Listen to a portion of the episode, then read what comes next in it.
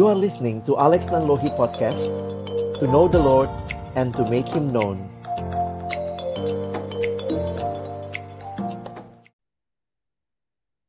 Shalom, selamat malam teman-teman sekalian. Kembali di YouTube Alex Nanlohi dan malam hari ini sama-sama kita kembali ingin berbincang-bincang, sharing dengan teman-teman yang secara khusus melayani kaum muda. Memang melayani kaum muda ini unik sekali dan tidak ada habisnya kita membicarakannya dan jadi satu topik yang menarik. Tapi kali ini kita akan ngobrol bukan hanya dengan orang-orang yang tahu teori, tetapi mereka yang benar-benar juga terlibat di dalam pelayanan bagi kaum muda. Mari sebelum kita mulai, kita berdoa. Bapa di dalam surga, kami bersyukur kesempatan ini Tuhan berikan bagi kami untuk bersama-sama berbincang, sharing, saling menginspirasi apa yang menjadi pekerjaan Allah secara khusus di tengah-tengah kaum muda. Kami berdoa menyerahkan bincang-bincang kami malam hari ini, Tuhan yang memimpin dari awal sampai akhirnya. Dalam nama Tuhan Yesus Kristus yang mengasihi kami, mengasihi kaum muda, kami berdoa. Amin. Seperti biasa malam hari ini saya tidak sendiri, saya ditemani adik saya Ray. Halo Ray, selamat malam. Malam Bang Alex. Wah, gimana nih kabar minggu ini? Masih dari rumah aja. Oh, minggu ini mm -hmm. rada padat biasa ya karena kampus kan udah mulai penyambutan masa baru. Yeah. Jadi uh, ya lumayan banyak lah bergilir ngobrol sama pengurus kampus gimana mulai dapat data gimana mikirin penyambutan masa baru uh, jadi lumayan capek juga sih minggu ini dari dan itu ya apa uh, kampus juga memang memutuskan nampaknya masih online ya iya jadi hampir ya memang belum ada surat resmi sih ya yang aku tahu hmm. sekarang tapi hampir pasti masih sampai akhir tahun Eh, nggak uh, akan kalaupun ada mungkin di hmm. akhir tahun gitu di 25 persen oh. atau 20 persen waktu semester di akhir semester tapi di hampir hmm. pasti sih masih dua bulan tiga bulan ke depan masih akan secara online. Ya kita juga kalau di pelayanan kita di perkantas tentunya juga berhadapan sama orang muda tapi mereka mahasiswa dalam arti uh, pelayanan di kampus begitu ya. Terus kemudian mereka harus menghadapi situasi yang berubah. Nah kali hmm. ini kita mau sharing juga ya Ray sama teman-teman yang melayani kaum muda. Walaupun mungkin konteksnya tidak di kampus mereka ada di gereja dan beberapa gereja kan udah buka bahkan ya. Yeah. nah ini jadi percakapan yang menarik sih malam hari ini Ray. Jadi senang banget bisa menghadirkan teman eh, teman-teman kita mungkin Ray bisa kenalin ini juga teman-temannya Ray gitu ya yang angkatannya okay. lebih lebih bawah ya silakan oke okay. uh, eh, sekaligus juga menyapa buat uh, teman-teman yang uh, nonton malam hari ini selamat malam hmm. semoga dalam kondisi yang baik-baik semua nah hari ini kita akan sama-sama discuss aku yakin uh, gak, kalaupun judulnya How Are You Youth Pastor nggak harus hmm. hanya investor gitu ya tapi uh, setiap kita yang mungkin ber, ber, berhubungan dalam pelayanan di gereja di Naposo atau mungkin di komisi pemuda atau remaja aku pikir uh, kita bisa sharing bareng kita bisa uh, get inspired bareng gitu ya dari apa yang rekan-rekan kita mungkin juga alami apa yang mereka juga pikirkan atau bahkan struggles atau uh, pergumulan pribadi yang mungkin juga sama-sama kita alami di masa-masa kayak begini. Nah, karena itu uh, kita mau menyambut tiga apa ya bilangnya narasumber lah ya. Atau Ini langsung tua deh narasumber gitu ya.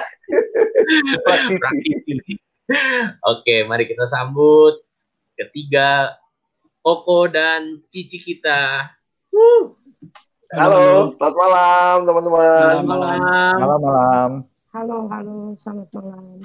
Oke, ini uh, mungkin aku, ya mereka aja lah ya bang yang memperkenalkan diri lah ya nggak ya, mereka masih masih masih muda punya cara memperkenalkan dirinya oke kita bersyukur hari ini boleh uh, Kak Febri, Kak Rick, dan Kak Mia boleh bergabung bersama kita untuk men-sharingkan dan uh, berdiskusi tentang pengalaman dan cerita mereka. Nah, aku mungkin uh, persilahkan kali ya buat kakak-kakak boleh memperkenalkan diri uh, ya mungkin sekarang pelayanannya atau di gereja mana dan apa secara khusus terlibat di bagian apa dan apa yang sedang mungkin dipersiapkan atau sedang dikerjakan di masa-masa ini.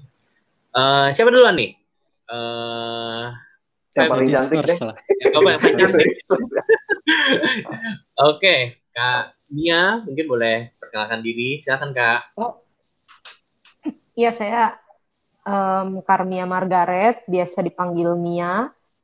Saya sekarang uh, melayani di Gereja Kristen Immanuel Hosana di Bandung, ya bidang pelayanan kaum muda. Di sana ada remaja, um, pemuda, dan juga ada uh, pelayanan menjangkau mahasiswa. Ya, jadi pemuda yang perantauan yang penjangkauan itu di Bandung konteks yang unik hmm. juga gitu. Nah, selain pelayanan kaum muda, saya juga melayani di pembinaan jemaat, di kelompok kecil dan di bidang ibadah gitu. Nah, aku uh, sendiri uh, dibina juga dari Perkantas Jakarta. Jadi Oh, rantau nih, juga dong ya dari Jakarta ke Bandung. Iya. Iya, rantau juga. Tapi saya di sini ya melayani diri sendiri ya perantau ya. ya dari sesama perantau ya, ke perantau dulu, lah. Iya, aku dibina di siswa di Jakarta itu di di PSKJ Persekutuan Siswa Kristen Jakarta ya dulu SMA mana Kak Mia? KKKT SMK Sentosa. Oh. SMK Sentosa itu jadi masuknya pusat ya, masuknya pusat kita persekutuan di Keramat Tujuh gitu, di Keramat Tujuh sama Bang Riko. Iya, kata orang-orang sekarang udah bagus tapi. Oh, udah bagus. Dulu ya? aku oh, kata orang-orang aku belum pernah lagi ke sana bahkan angkatan siapa ya teman-teman pelayanan aku dulu masih ada Bang Abed, Nego, Sianturi, Bang yeah. Hendrik, ya Esra, Haryanja, ya itu teman-teman gitu. Lalu studi teologi di saat Malang, juga melayani di Perkantas Malang bersama hmm. Febrianto melayani mahasiswa. Nanti dia punya ceritanya sendiri. Terus iya sekarang melayani di Bandung. Gitu. Oke, gimana Bandung Kak Mia? Udah Bandung normal atau ya Bandung naik turun ya Bandung naik turun jadi waktu itu kita udah sempat agak normal terus minggu lalu ini heboh lagi dengan oh. kasus secapa itu ya asrama yeah. jadi 1200 katanya OTG itu jadi banyak ketakutan juga iya. oh oke okay, oke okay. uh, gerejanya Kamia udah ini udah onsite ibadah onsite atau masih online Udah, kami dari 12 Juli, ya 12 Juli. Tapi 12 Juli dan 19 Juli itu sifatnya trial ya. Hmm. Jadi memang uh, kita belum buka untuk publik ya baru untuk para majelis, penata layan, pengurus komisi dan orang-orang yang kita tahu memang dia berjemaat di kita gitu dan memenuhi syarat. Jadi sama pasangannya. Ya kita sih sistemnya masih masih sangat terbatas. Jadi kalau mau datang beribadah itu ya sebenarnya bukan kalau mau ya kalau bisa datang beribadah itu ya mendaftar gitu jadi hmm. berdasarkan kuota dan juga ada syarat-syaratnya usia dan sebagainya masih baru satu kali ibadah sih dari kalau normal itu kita reguler ada tiga ibadah umum dua ibadah remaja dan dua ibadah anak setiap minggu nah kalau sekarang kita baru buka satu ibadah umum aja hmm. jadi yang lain-lainnya semuanya masih masih belum sih masih paralel dengan live streaming gitu. Hmm. Oke, okay, thank you Kamia buat perkenalannya. Nanti kita akan kembali lagi uh, ngobrol sama Kamia. Selanjutnya uh, siap berarti kalau tadi yang paling cantik sekarang yang paling ganteng ya, berarti mesti sweet lah ya. Atau ada yang self proclaim paling ganteng. uh, siapa? Kak Febri dulu kali ya, boleh? Kak Febri silakan boleh perkenalkan diri.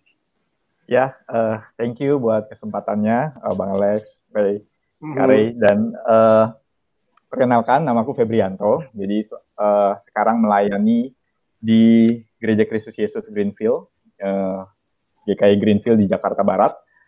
Uh, sekarang melayani di bidang uh, pelayanan remaja. Jadi kita uh, agak pisah di sini. Jadi aku secara khusus di pelayanan remaja SMP SMA uh, hmm. juga melayani di bidang diakonia atau pelayanan sosial jadi uh, ya masa-masa seperti ini juga masa-masa yang sibuk gitu baru baru menjawab baru kena ketambahan ini mungkin bulan hmm. lalu lah ya atau ya bulan lalu. Jadi uh, di dalam masa-masa seperti ini banyak kesibukan juga begitu. Uh, sama jadi kami satu angkatan uh, dengan Rick dan Mia. Jadi kami satu angkatan di saat uh, hmm Ya pernah malah nggak uh, aku bukan binaan perkantas Jakarta. Sekolah Kristen. Karena dari sekolah Kristen dibina di sekolah Kristen. Jadi bukan binaan perkantas. Tapi uh, ada kedekatan karena pernah melayani weekend waktu itu di uh, perkantas hmm. uh, Malang begitu jadi uh, pengalaman yang menarik karena ya bukan dari background perkantas tapi melayani mahasiswa terutama waktu itu dengan ya apa Malang sebagai kota yang banyak pelajar begitu dan uh, kesempatan berharga sih. Jadi punya banyak cerita. Hmm. Jadi bukan cuma sama Mia waktu itu ada bertiga atau ber, sampai berenam waktu itu ada yang siswa, ada yang mahasiswa. Jadi banyak cerita menarik lah pelayanan hmm. mahasiswa itu. Ya jadi senang sekali sih bisa pernah punya pengalaman di uh, perkantas begitu. Itu. Oke, okay. thank you Kak Febri. Uh, kalau gereja Kak Febri udah udah ini ya ibadahnya udah onsite ya? Udah belum? Belum. Tadinya oh, belum ya? Belum ya? Tengah, tengah Juli. Tadi oh. direncanakan tengah Juli, cuma karena PSBB transisi Jakarta diperpanjang, jadi mm-hmm. uh, lebih baik kita juga perpanjang begitu. Jadi rencana 9 Agustus uh, mm-hmm. kalau lancar. Jadi bisa juga di dimundur-mundurin lagi. lagi. ya Jakarta nggak aman sih kita lebih mending aman gitu daripada buka tapi ujung-ujungnya malah iya. berbahaya dan tutup lagi begitu. Jadi ya kita mempersiapkan jelas uh, sampai sekarang masih mempersiapkan siap eh, siap-siap kalau misalnya harus buka tapi kalau ya enggak setidaknya kita sudah mempersiapkan dari sekarang gitu jadi sekarang dalam masa transisi mungkin sampai minggu sekitar dua minggu lagi begitu jadi dalam masa pengujian sih sekarang Oke, okay, thank you Kak Febri. Salam kenal buat Kak Febri. Dan yang terakhir, silakan Kak Rik. Ya, halo semuanya. Kenalin, namaku Rick Ruben. Boleh dipanggil Rick, boleh juga dipanggil Ruben. Uh, sekarang pelayanannya uh, lepasan ya, jadi nggak ada yang benar-benar full time di mana. Freelance, uh, freelance. Freelance. Cuman Koko uh, juga hamba Tuhan di uh, pemuda GKY BSD. Hmm. Jadi aku banyak bantu juga di gereja asal dan di uh, pemuda di pemuda gerejaku juga dan sekarang sih statusku masih menunggu. Jadi kemarin sempat pelayanan di komun di gereja Indonesia yang ada di Jerman. Jadi ya sekarang masih menunggu dan beberapa kali juga pelayanan online di sana. Mhm. Dan mostly di sana demografinya banyak anak muda sih. Jadi uh, student hmm. gitu kebanyakan dan penjangkauan untuk komunitas-komunitas anak muda Kristen di daerah-daerah juga uh, kita lakukan gitu dari gereja-gereja karena kan gereja yang mungkin lebih dewasa kita jadi yang uh, send hamba Tuhan ke sana untuk juga take care komunitas-komunitas yang ada di daerah di kota-kota yang lebih kecil. Jadi kalau lagi pandemi gini dan ketahan juga nggak bisa pergi dan mereka juga tetap uh, butuh pelayan juga kadang jadi aku tetap pelayanan via online sekali-sekali. Hmm. Gitu. Waktu itu sempat berapa lama Erik di Jerman untuk pelayanan? Uh, waktu itu sempat praktek diminta uh, Bu Ati selaku Sunergon jadi departemen saat memang di bawah hmm. departemen misi saat itu hmm. dua bulan lebih mungkin. Hmm. Hmm. Oh gitu ya, jadi punya kesempatan juga interaksi sama anak muda di sana gitu ya, yeah, yeah. student banyak kan ya. Benar. Jadi udah kenal hmm. juga gitu sama mereka juga. Anak rantau. Kalau hmm. kalau kalau GKYBSD hmm. sendiri sudah buka juga atau masih online semua? Sama uh, masih sifatnya masih ini sih masih trial jadi belum terbuka mm-hmm. untuk publik tapi kita udah hybrid gitu udah melakukan hybrid tapi mm. belum benar-benar uh, dibuka untuk jemaat umum. Gitu. Oke okay, thank you kak Rik buat perkenalannya. Teman-teman uh, sungguh bersyukur juga buat teman-teman yang join buat nge-view. Aku juga silakan teman-teman nanti kalau mungkin ada pertanyaan atau mungkin ada sharing yang teman-teman mau sampaikan, feel free buat sampaikan di uh, live chat atau live comment kayak gitu. Nah, hari ini mungkin kita mau dengar cerita gitu ya atau mau sharing pengalaman dari kakak-kakak kita nih. Uh, secara khusus buat kakak-kakak yang terlibat di pelayanan kaum muda kayak gitu, gimana empat bulan terakhir uh, di tengah pandemi begini? Ada apa cerita yang atau apa apa yang teman-teman lakukan selama empat bulan terakhir di dalam melayani anak muda karena kan kita banyak tahu ceritanya gitu ya ketika semuanya nggak kan kalau banyak kan pemuda masih sekolah atau berkuliah ya harus stay di rumah aktivitas berubah dinamika uh, berubah dan mungkin muncul mungkin kesulitan gitu ya beradaptasi di rumah beradaptasi di sekolah atau malah jadi uh, habis waktu di game atau malah habis waktu rebahan mulu kayak gitu. Itu kan drakor, cerita drakor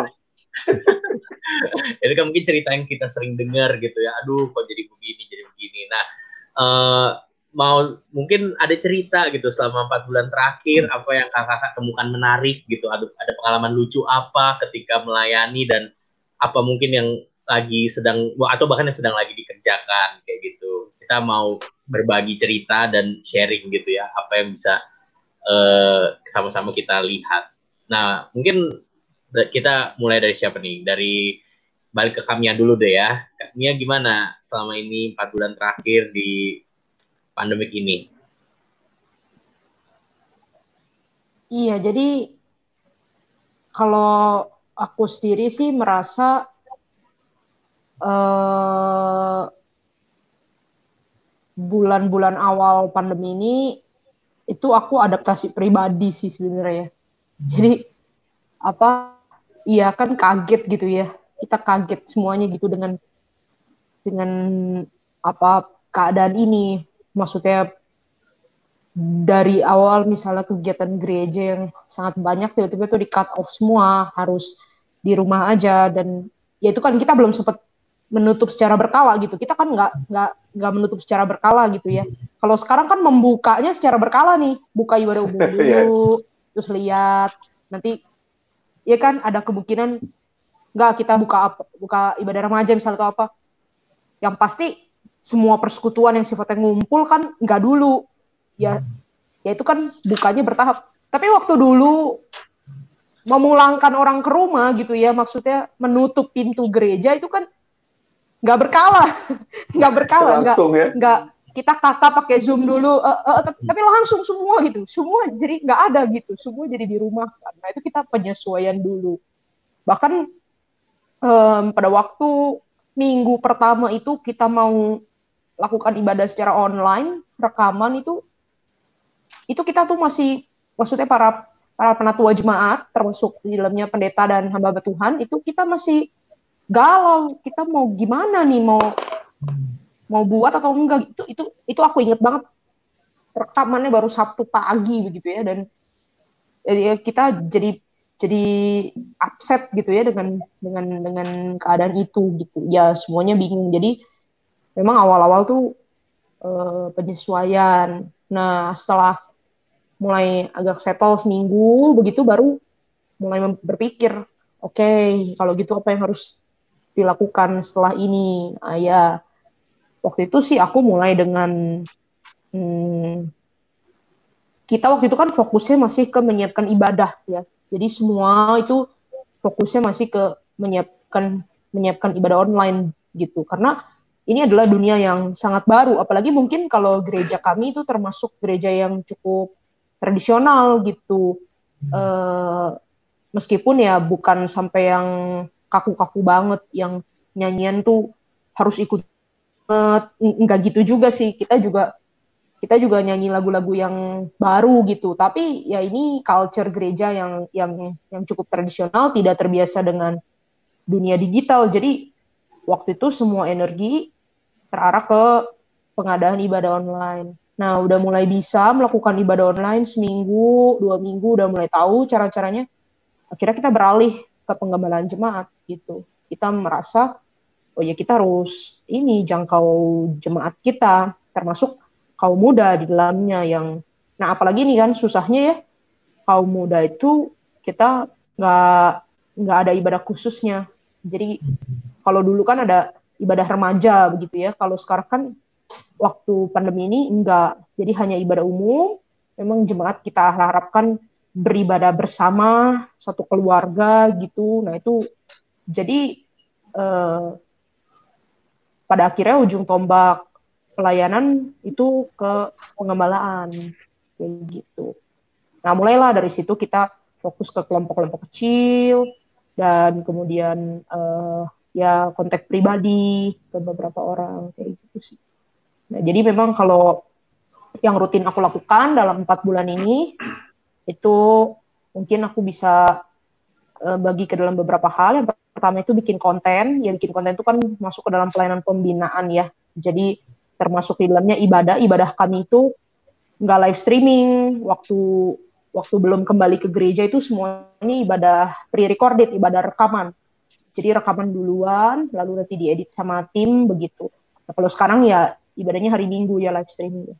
Nah, jadi kami bikin konten-konten uh, pembinaan, pembinaan kaum muda itu kayak bikin apa ya semacam video-video teaching gitu, video teaching firman Tuhan. Nah, terus yang ada ada worshipnya juga sih. Jadi anak-anak remaja pemuda itu juga uh, ngajak teman-temannya untuk worship di awal di bagian depan video itu, lalu ada teaching firman Tuhan dan itu itu di, di ditayangkan di YouTube gereja hari Jumat dan mereka bisa akses itu. Lalu ada bahan untuk diskusi kelompok kecil di hari Sabtunya. Biasanya kita hari Sabtu mengadakan kelompok kecil gitu. Jadi semua kelompok kecil ya via online ya. Jadi pakai hmm. pakai semua lah. Pakai Zoom pakai line call pakai Google Meet ya pakai apa pun gitu. Nah ini ini sangat menarik buat aku pribadi karena semua usia jadi belajar gitu. Baik itu pemuda remaja. Kalau pemuda remaja kan cepet ya belajar sendiri yeah. gitu. Yang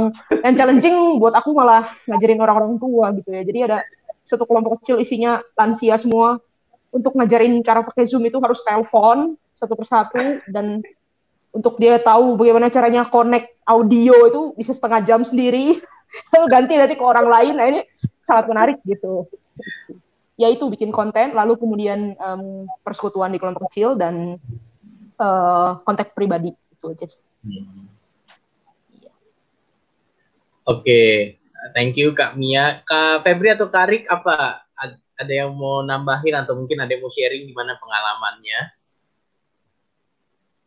Ya, kalau aku sih memang ya mungkin semua hampir semua gereja ya mirip-mirip dengan Mia ada fase pertama yaitu shock gitu ya. Jadi ada fase yang cukup uh, menegangkan gitu loh di masa sebelum ditetapkan semua harus uh, online begitu. Jadi ada masa-masa aku ingat seminggu sebelum harus online itu ya masa-masa di mana kita tuh hamba Tuhan tuh benar-benar ngumpul dan bergumul gitu loh. Wah ini harus gimana? Keputusan apa yang harus kita ambil dalam waktu dekat. Jadi itu memang semua shock sih karena ada karena di dalam uh, di gereja kami juga ada uh, ya, beberapa mungkin yang kita kenal yang uh, terkena dan bahkan meninggal karena COVID. Jadi itu yang cukup dekat begitu dengan bahkan ada juga akhirnya jemaat yang kena dan uh, meninggal begitu. Jadi itu yang sesuatu posisi yang sangat-sangat dekat sehingga membuat kami juga cukup shock begitu, sangat cepat dan semuanya itu udah mulai harus ambil keputusan.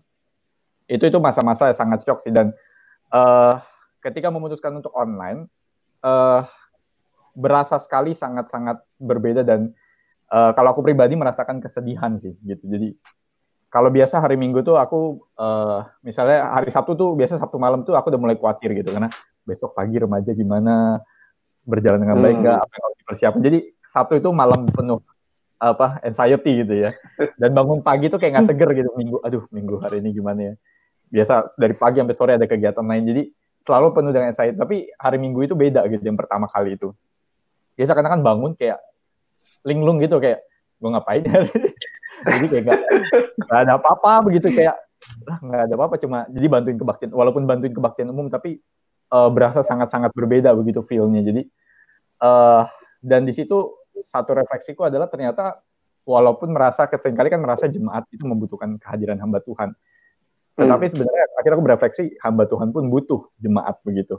Bukan apa ya bukan sebagai apa tapi kehadiran jemaat itu justru malah menguatkan uh, hamba Tuhan dan pelayan-pelayan. Jadi itu yang aku dapat secara refleksi. Maka ternyata kehadiran jemaat sepenting itu. Orang-orang, terutama remaja-remaja yang sering kali aku takut atau aku khawatirin hidup mereka gimana atau mereka ini ada masa depan atau enggak gitu-gitu lah. Jadi yang sering kali aku khawatirkan gitu kan ketika ada di komisi remaja begitu ternyata orang-orang seperti itu yang aku khawatirkan tiap minggu tuh aku butuh mereka ternyata gitu jadi jadi hmm. aku refleksikan gitu aku juga butuh mereka untuk membantu aku bertumbuh membantu aku dalam pelayanan aku juga mengenal diri dan ternyata aku butuh mereka gitu. Itu eh, satu kenyataan yang mungkin awalnya harus aku terima gitu.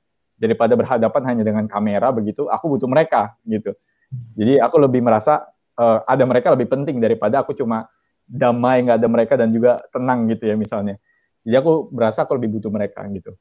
Nah sampai kepada bulan-bulan belakangan setelah itu memang akhirnya mulai terbiasa beradaptasi dan lama kelamaan terjebak sih. Eh, ada satu momen di mana terjebak eh, begini kok rasanya udah mulai enak gitu ya. Nggak ada apa-apa Hmm.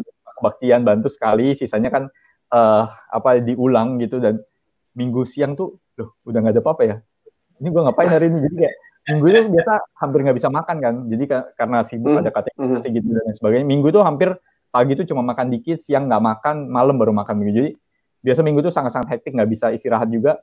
Tapi minggu itu kok loh kok bisa tidur? Kok bisa makan? Jadi kayak eh hilang hilang sense of identitas gitu ya kayak berasa selama ini berarti identitas itu hanya pada mengerjakan sesuatu gitu loh. Hari minggu tuh harus mengerjakan sesuatu. Jadi itu eh, pribadi aku refleksikan. Ya tahap selanjutnya adalah tahap di mana eh, gembala juga mengajak menggumulkan sih. Jadi kita bukan cuma Hmm. harus menggumulkan dari offline ke online tapi setelah ini semua kembali kita mau ngapain sih gitu loh jadi ini bukan cuma kita memindahkan atau cuma reaktif terhadap keadaan tapi kita semua diajak di hamba Tuhan tuh diajak eh, dari gembala setelah ini selesai apa yang harus berubah? Gitu loh jadi itu Hmm. yang Hmm. memacu apa aku secara pribadi gitu loh. Setelah ini selesai apakah mau balik ke yang dulu lagi? Gitu loh. Apakah mau harus sama lagi seperti dulu? Nah, itu jadi selalu jadi pertimbangan gitu. Apakah harus sama lagi?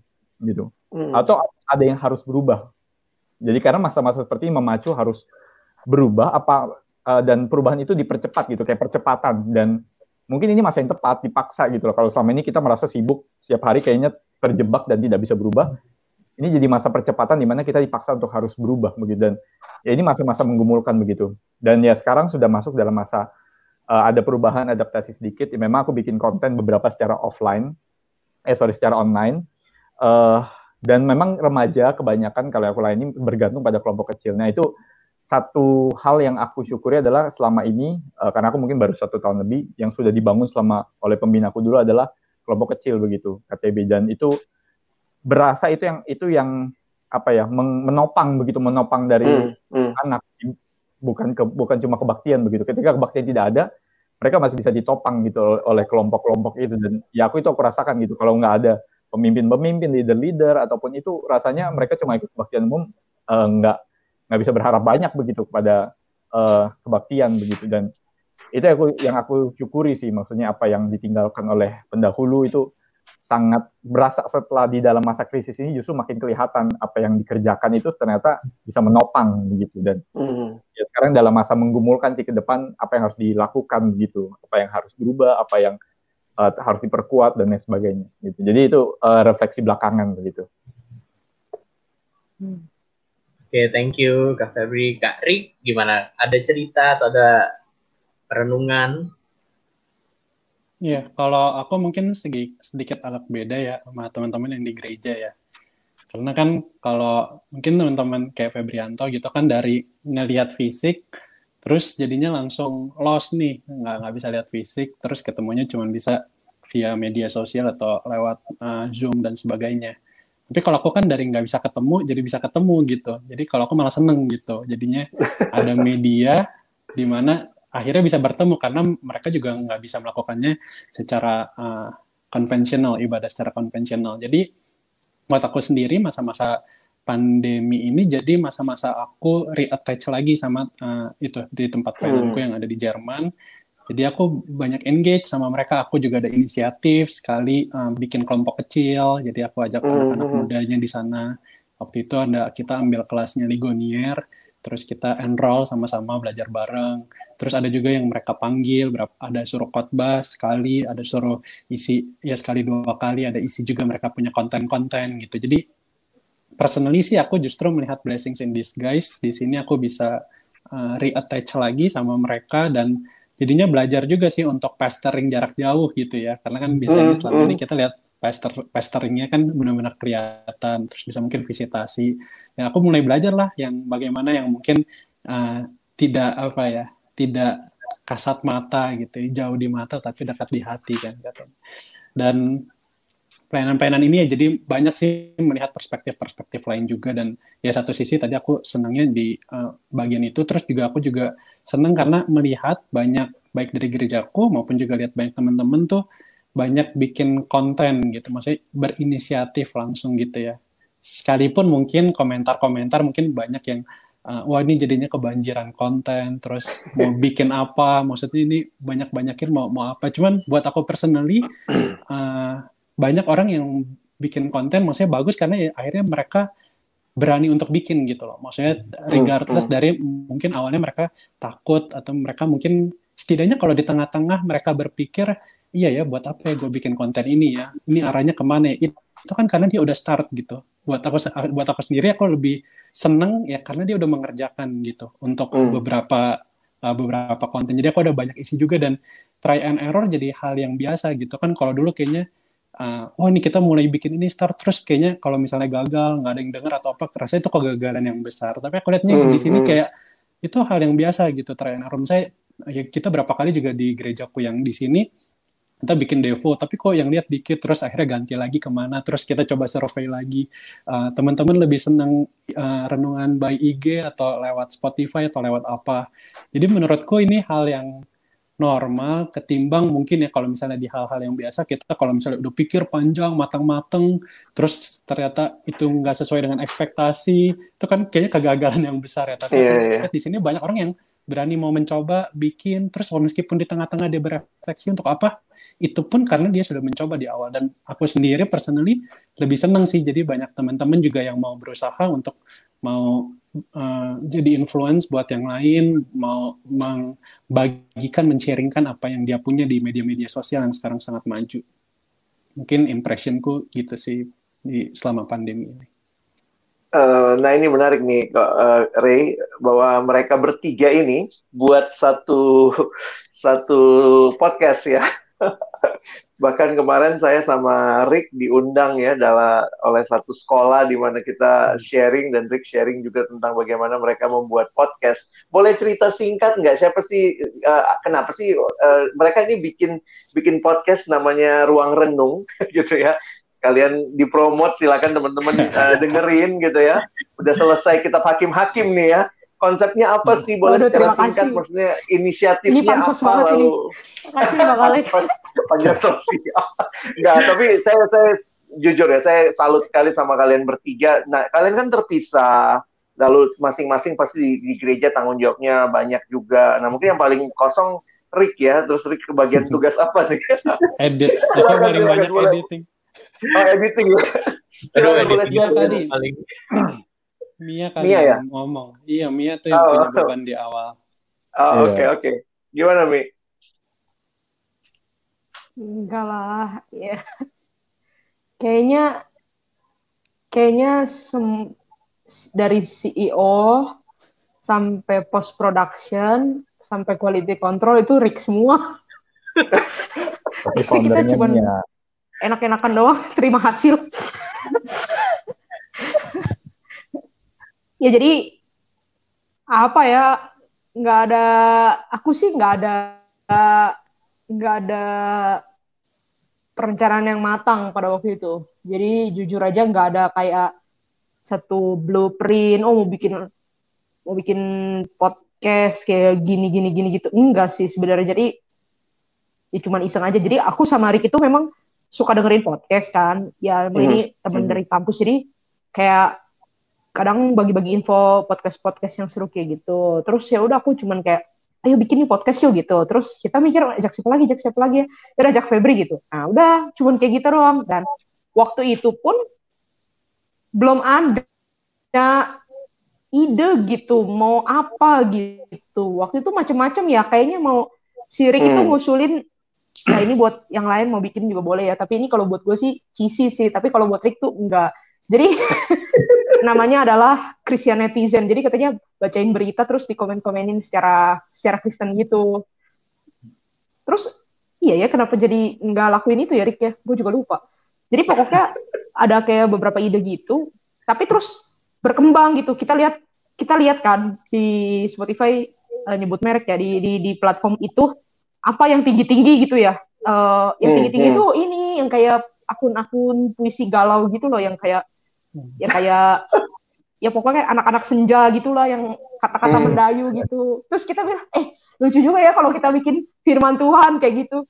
Terus kata gue ih kalau gue sih males banget. Kayak gitu kayak gue mau dengerin terdengar atau enggak. Tapi terus aku juga nggak aku juga nggak tahu gimana ya pokoknya akhirnya jadinya kita bahas firman Tuhan ya. Jadi bahas Bible ya. Aku juga nggak nggak inget sih asal mulanya gitu. Tapi ya itu kayaknya renung renung itu melahirkan dirinya sendiri gitu melahirkan dirinya sendiri. Jadi ya otodidak ya, ya? kita punya warna itu gitu maksudnya Berarti tapi sambil sambil jalan sambil jadi, jalan kalian nemuin kan, nemuin iya ya ini ini jadi akhirnya jadi punya ciri khas kan? Ya, dan kita jadi kayak pokoknya kan intinya kita firman Tuhan, jadi materi utamanya itu Bible, lalu mm -hmm. sifatnya reflektif, itu dua. Dan concern kita sih itu dua. Terus sebenarnya concern yang ketiga tuh pendek tapi nggak selalu pendek. Jadi nggak usah nggak usah dianggap itu sebagai sebuah concern. Pernah jadi concern. pernah jadi concern. Iya tapi mulai nggak disiplin pertamanya bagus 10 menit 12 menit eh kan seolah 16 menit 20 menit oh, udah udah usah ketahuan banget ya kita kita itu para pembicara lebih gampang ngomong panjang daripada ngomong pendek ya. Iya iya betul. Kalau kalau Febri gimana lo pengalaman karena kalau nggak salah episode pertama eh siapa ya Mia dulu apa iya, Febri ya, ya. kalau nggak salah ya?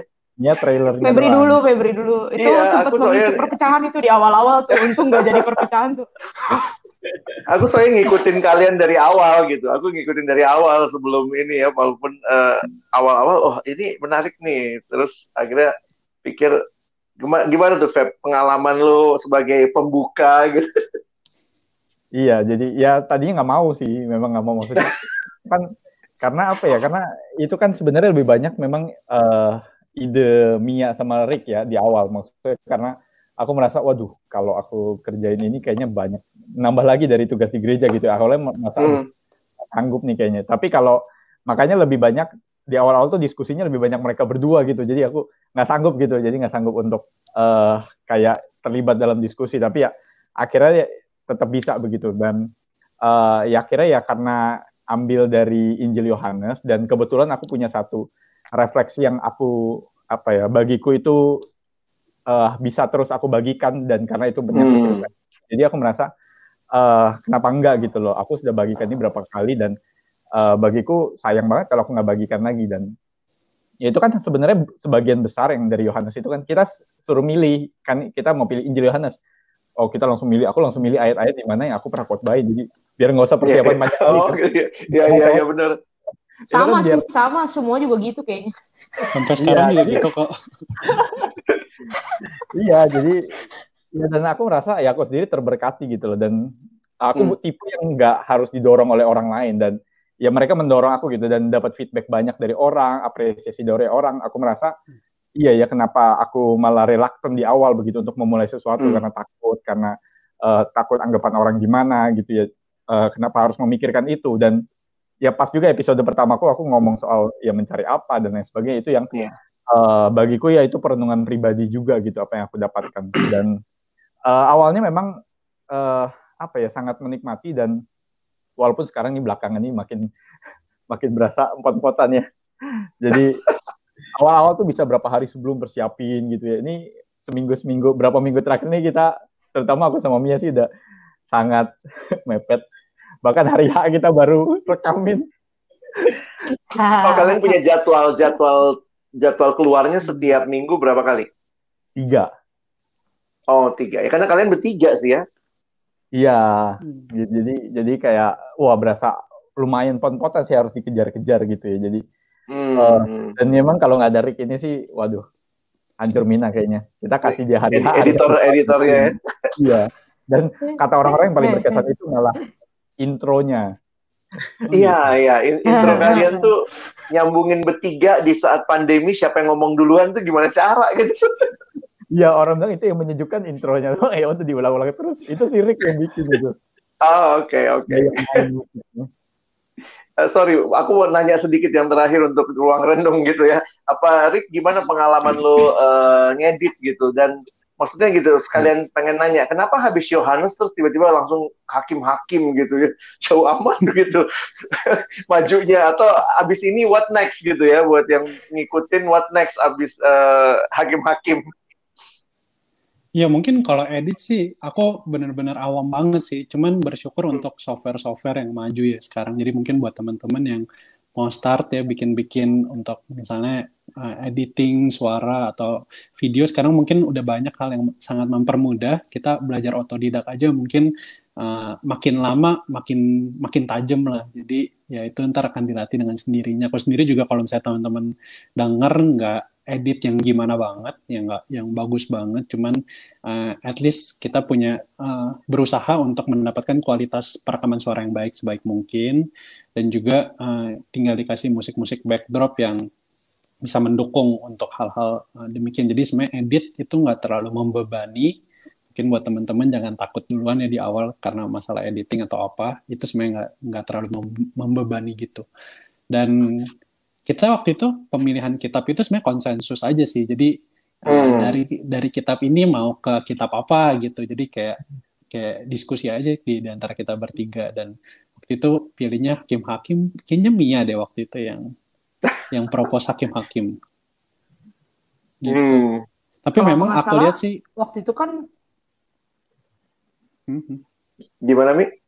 Iya kalau nggak salah waktu itu kan mau mau perjanjian lama. Terus kita milih gitu kan milih kitab yang uh, menarik untuk dibahas gitu. Waktu itu ada beberapa ada usulan aku ngusulin Mazmur terus ya kalau Mazmur mau berapa seri itu 150 pasang banyak banget gitu terus Febri ngusulin Imamat terus kita kayak nanti udah ada vaksin enggak terus ruang renungnya udah habis renungnya sih ada ruangnya udah nggak ada Terus si Febri ngusulin imamat kan. Kita juga menarik tuh imamat tuh. Oh iya, iya menarik. Tapi terus lama-lama kita, gue gak siap nih imamat nih. Iya belum persiapan. Apa ya kitab, terus kejadian. Waktu itu siapa yang ngusulin ya? Gue lupa. Ada yang ngusulin kejadian kan. Uh, tapi terus ada yang bilang, ah bosen ah, kejadian udah terlalu mainstream. Jadi kita waktu itu nyari, hmm. apa ya kita PL yang ada story-nya, yang kira-kira kita hmm. persiapannya nggak sesusah imamat, tapi juga story-nya nggak terlalu mainstream gitu ya udah terus kayak random aja udah hakim hakim enggak eh boleh tuh boleh ya udah udah pokoknya kalau udah boleh pokoknya kalau mereka uh. udah boleh harus dikejar bang jadi kalau udah boleh gitu udah lu mau pasal berapa harus harus dikejar gitu emang kadang-kadang mesti gitu. ada ini ya udah udah ada bocorannya nggak next nextnya setelah hakim-hakim ini apa Febri lah yang ngebocorin Nabi Nabi oh, kecil. Nabi Nabi kecil masuk ke PL lagi ya Nabi Nabi kecil Ya. Dan aku lihatnya mungkin ya, biasa. ya kalau apa ruang renung ini mungkin salah satu positifnya adalah yang awalnya juga kita rindu rindukan sih nggak tahu terrealisasi atau enggak. Maksudnya setiap kita tuh punya approach kita masing-masing bang di mm-hmm. dalam biblical mm-hmm. worldview kita. Jadi kayak Febrianto tuh ada emphasize-nya sendiri, terus Mia juga ada uh, approach-nya hmm. sendiri. Aku juga agak beda itu kan kita lihat juga dari skripsi sama waktu studi di saat maksudnya gimana lah kita uh, baca Alkitab kan bervariasi. Jadi kita pikir awalnya hmm. wah ini harusnya mungkin bisa jadi ya dalam tanda petik nilai jual lah dengan mungkin berbeda-bedanya kontributor di ruang renung ini. Gitu. Wow, luar biasa ya. Aku harap sih diterusin walaupun nanti udah nggak pandemi seperti ini. Jadi, nah ini butuh komitmen ya untuk untuk terus. Termasuk ya nanti kalau Rick udah di sono gitu ya, tetap kan kalau online bisa yeah. ya berkarya terus ya. ya, oke okay, Ray. Oke, okay. nah mungkin pertanyaan terakhir kali ya di di masa di bagian akhir, uh, buat sebagai uh, pelayan atau mungkin teman-teman yang juga mungkin terlibat di pelayanan pemuda atau mungkin yang kampus kayak gitu. Uh, mungkin ada, maksudnya waktu itu kan sempat booming Zoom fatigue, maksudnya kelelahan yang secara online atau bahkan uh, kami juga akan bahas tentang burnout kayak gitu ya di weekend ini. Uh, kalau dari kakak sendiri ada ada encouragement atau mungkin ada uh, bahkan warning gitu ya, maksudnya dari pengalaman mungkin dua bulan ini atau udah di tengah pandemik begini, terus dengan rutinitas seperti itu malah ternyata nggak lebih, maksudnya nggak lebih bisa beristirahat juga gitu, malah mungkin malah nyatanya lebih sibuk dan lebih capek kayak gitu. Uh, ada ada tips atau mungkin ada pembelajaran dari apa yang teman-teman alami dan siapa tahu itu mungkin bisa juga berguna menolong kita juga untuk ber, terus berjalan ke depannya. Uh, siapa mungkin yang punya cerita atau emang uh, bahkan uh, mungkin mengalami hal seperti itu? Siapa? Uh, dulu Rick dulu boleh gantian? Sih. Oh. Iya, iya, Rick dulu aja, Rick dulu aja. Oh. Rick dulu aja. Udah ngomong terus lempar. Itulah Mia. itu namanya team player gimana sih? Yeah, that's good. Iya, kalau aku sih mm, cukup fluktuatif ya. Maksudnya uh, banyak hal kadang aku mengalami sendiri, kadang-kadang aku jadi orang yang harus juga mungkin uh, di dalam sisi yang harus melayani orang yang demikian gitu. Jadi melihat empat bulan ini sangat dinamis banget gitu buat aku sendiri baik secara experience di dalam menolong maupun mengalaminya uh, apa secara sendiri. Dan aku lihat memang pentingnya uh, tubuh Kristus tuh jadi lebih kelihatan sih di masa-masa ini di tengah uh, menarik juga ya kata social distancing diganti dengan physical distancing. Ya jangan sampai kita tubuh Kristus melakukan distancing gitu karena uh, ya melihat bahwa kalau diri kita sendiri itu sangat rentan banget. Banyak dari kita justru di tengah hal-hal seperti ini yang kadang aku juga lihat eh, beberapa teman kita akan berusaha untuk terlihat baik-baik saja gitu di depan teman-teman, di depan orang karena mungkin uh, kita malu ya untuk tidak uh, untuk terlihat lemah atau apa. Tapi sebenarnya hmm. kita hmm. semua lagi mengalami hal yang sama gitu. Jadi kita semua lagi kadang pakai topeng-topeng yang sama untuk kita terlihat baik.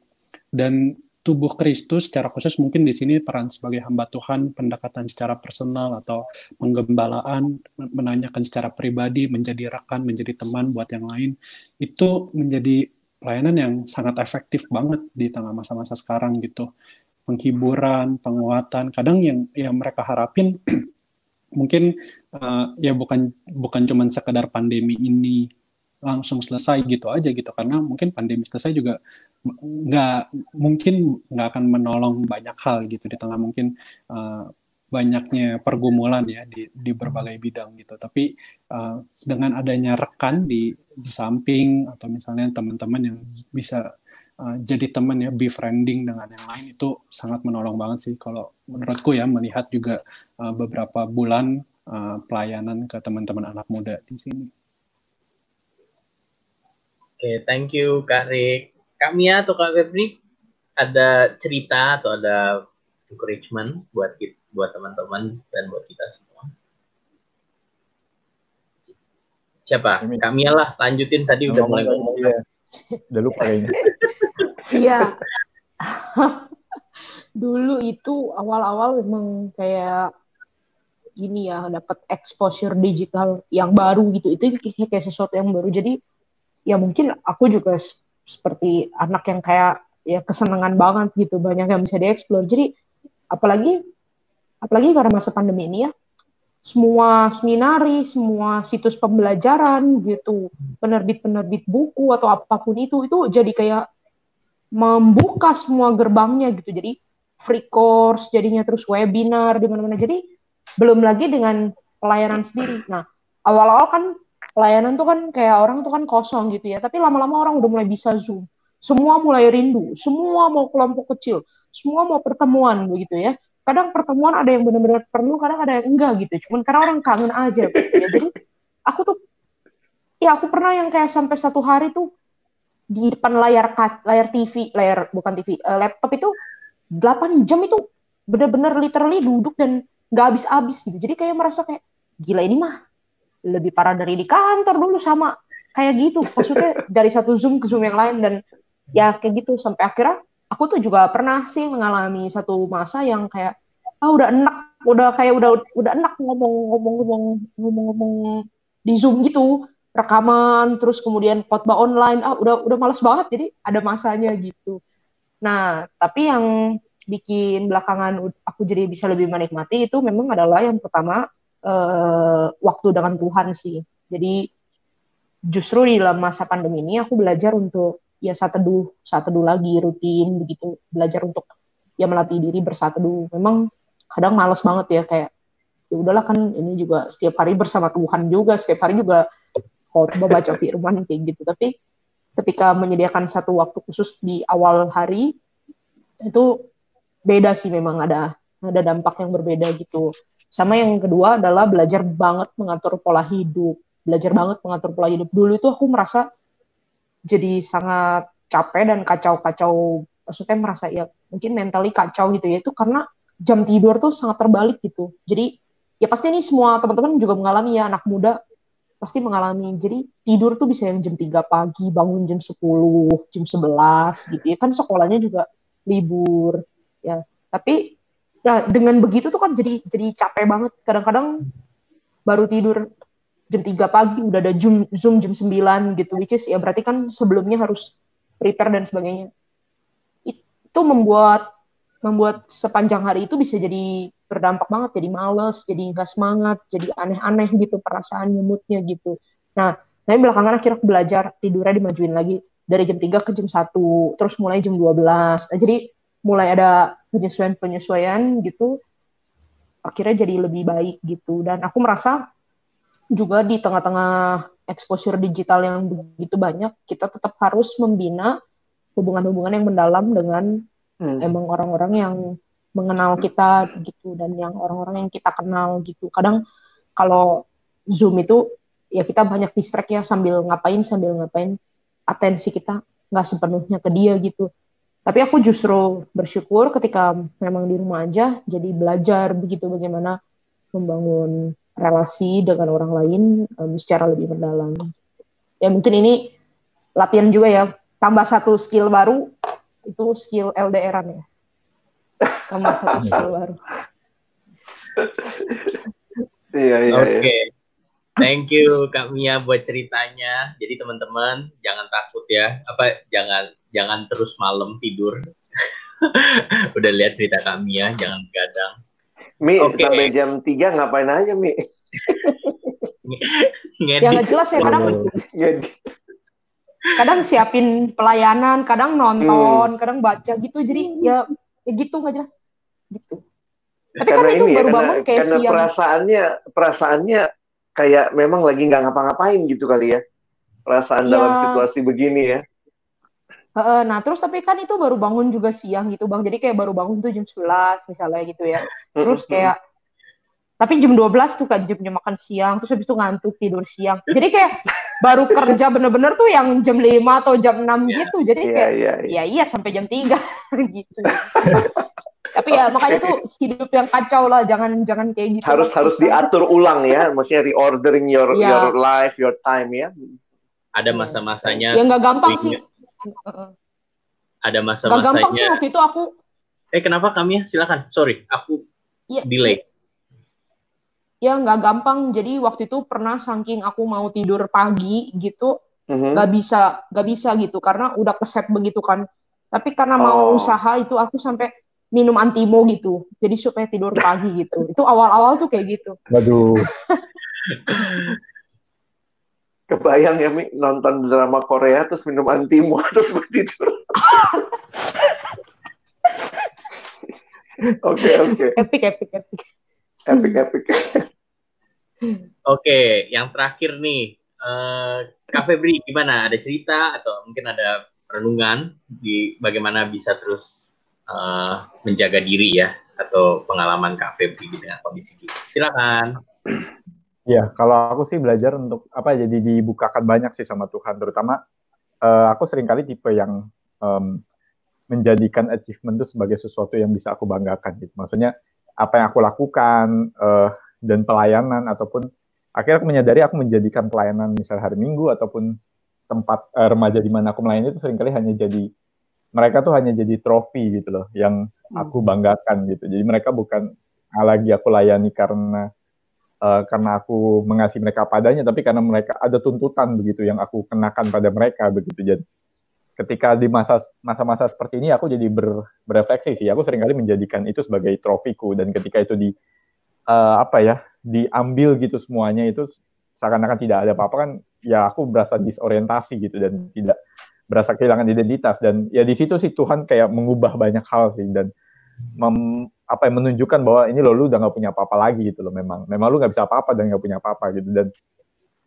uh, belajar banyak sih yang salah satu yang aku gumulkan adalah belajar surrender sih. Dan hmm. aku belajar untuk di masa-masa seperti ini walaupun online aku melakukan apa yang aku bisa rasanya kan selalu kita berasa aduh kayaknya nggak cukup nih nggak cukup nih buat mereka nih.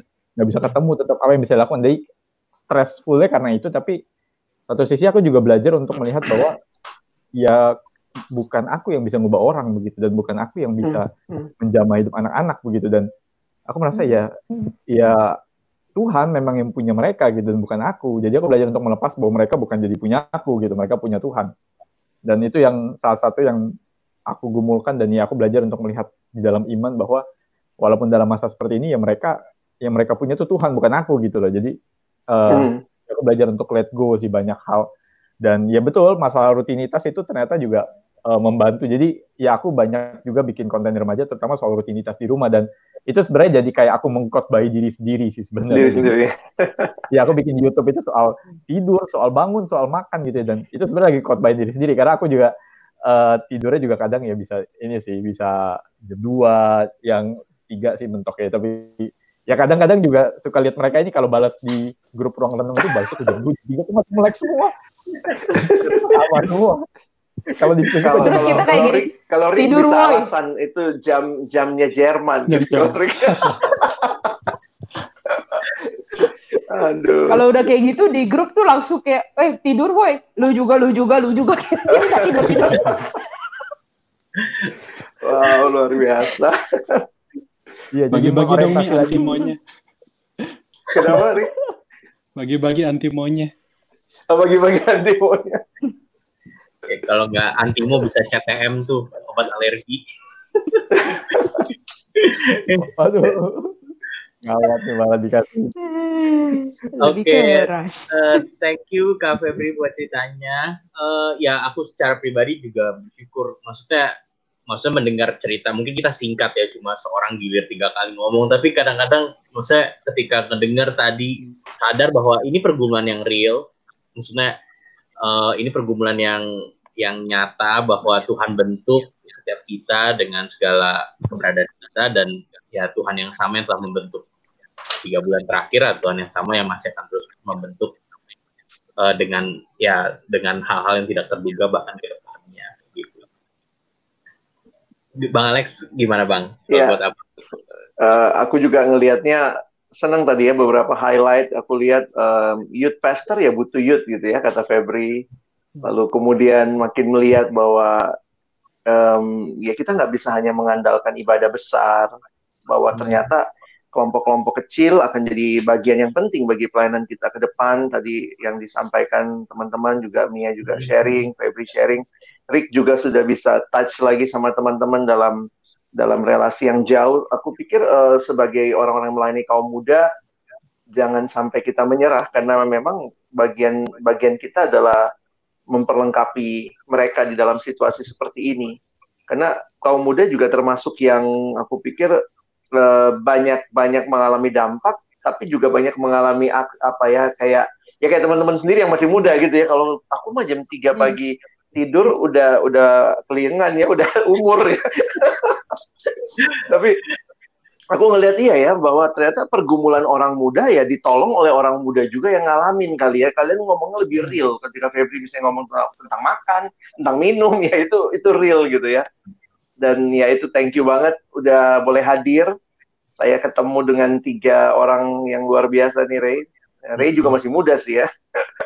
thank you banget buat uh, kebersamaan kita hari ini dan um, ke depan kalau ada kesempatan boleh ini lagi ya diundang lagi ya. Boleh, boleh.